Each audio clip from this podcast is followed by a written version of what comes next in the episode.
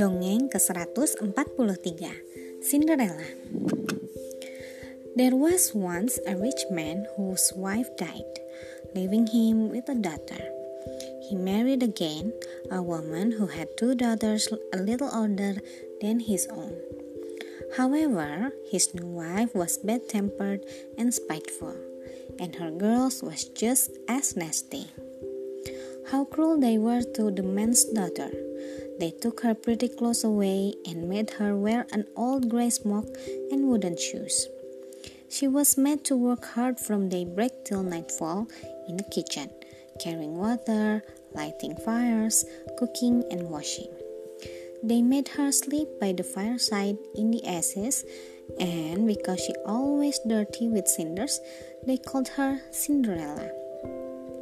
Poor Cinderella often felt miserable.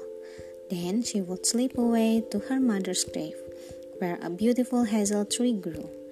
She would sit by the grave under the tree for a while, and it always made her feel better. One day, a trumpeter traveled through the land announcing news from the king. There was going to be a festival lasting three days. All the young ladies in the country were invited so that the prince could choose a bride.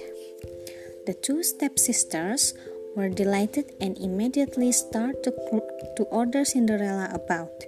Clean our shoes, help us into our dresses, fasten our necklace and bracelets, and do our hair their instruction. Cinderella obeyed with tears in her eyes. She would have loved to go to the festival too, but her stepmother had told her she was not allowed. In any case, she had nothing to wear. The minute the horrid woman and the two ugly daughters had flounced out the house, Cinderella went to her mother's grave beneath the hazel tree and sobbed. Just then, a little white bird swooped down out of the sky and landed on the tree. It threw down a beautiful embroidered dress and slippers.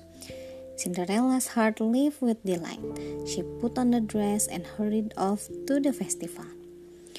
Everyone was at a ball there, dancing. Cinderella was so pretty in the dress that no one could take their eyes off her. She looked so different from when she was at home that her stepmother and stepsister didn't recognize her. They thought she must be a foreign princess. As soon as the prince laid eyes on Cinderella, he took her by the hand and danced with her. He didn't dance with anyone else all night, and if any other nobleman came to ask her to dance, he said, No, she is my partner. Cinderella danced till it was late, but she knew she had to be home before her stepmother and stepsister. If they returned and found her gone, she would be in terrible trouble. When one of the ball guests was talking to the prince, Cinderella managed to slip away. She ran all the way to the hazel tree and took off her beautiful clothes and shoes and laid them on her mother's grave.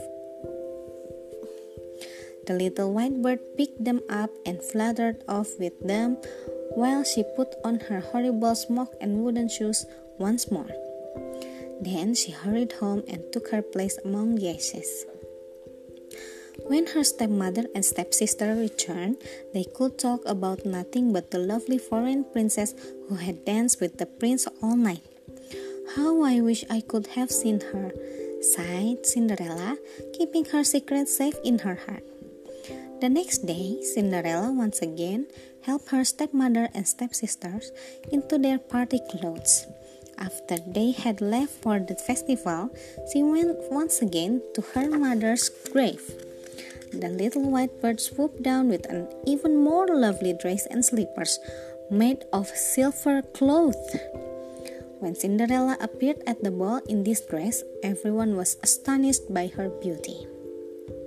The prince had not danced with anyone else, but had waited until she came. He instantly took her hand by he instantly took her by hand and danced with no one but her. And when other noblemen came to ask her to dance, he said, No, She is my partner. Once again, Cinderella danced till late in the night and then managed to slip away. The prince looked everywhere for her, but he could not find her. By the time her stepmother and stepsister returned home, she was once more sitting in her work clothes in the attic. Then came the last day of the festival. Cinderella's stepmother and stepsisters went most excitedly, for tonight was the night that the prince would choose his bride.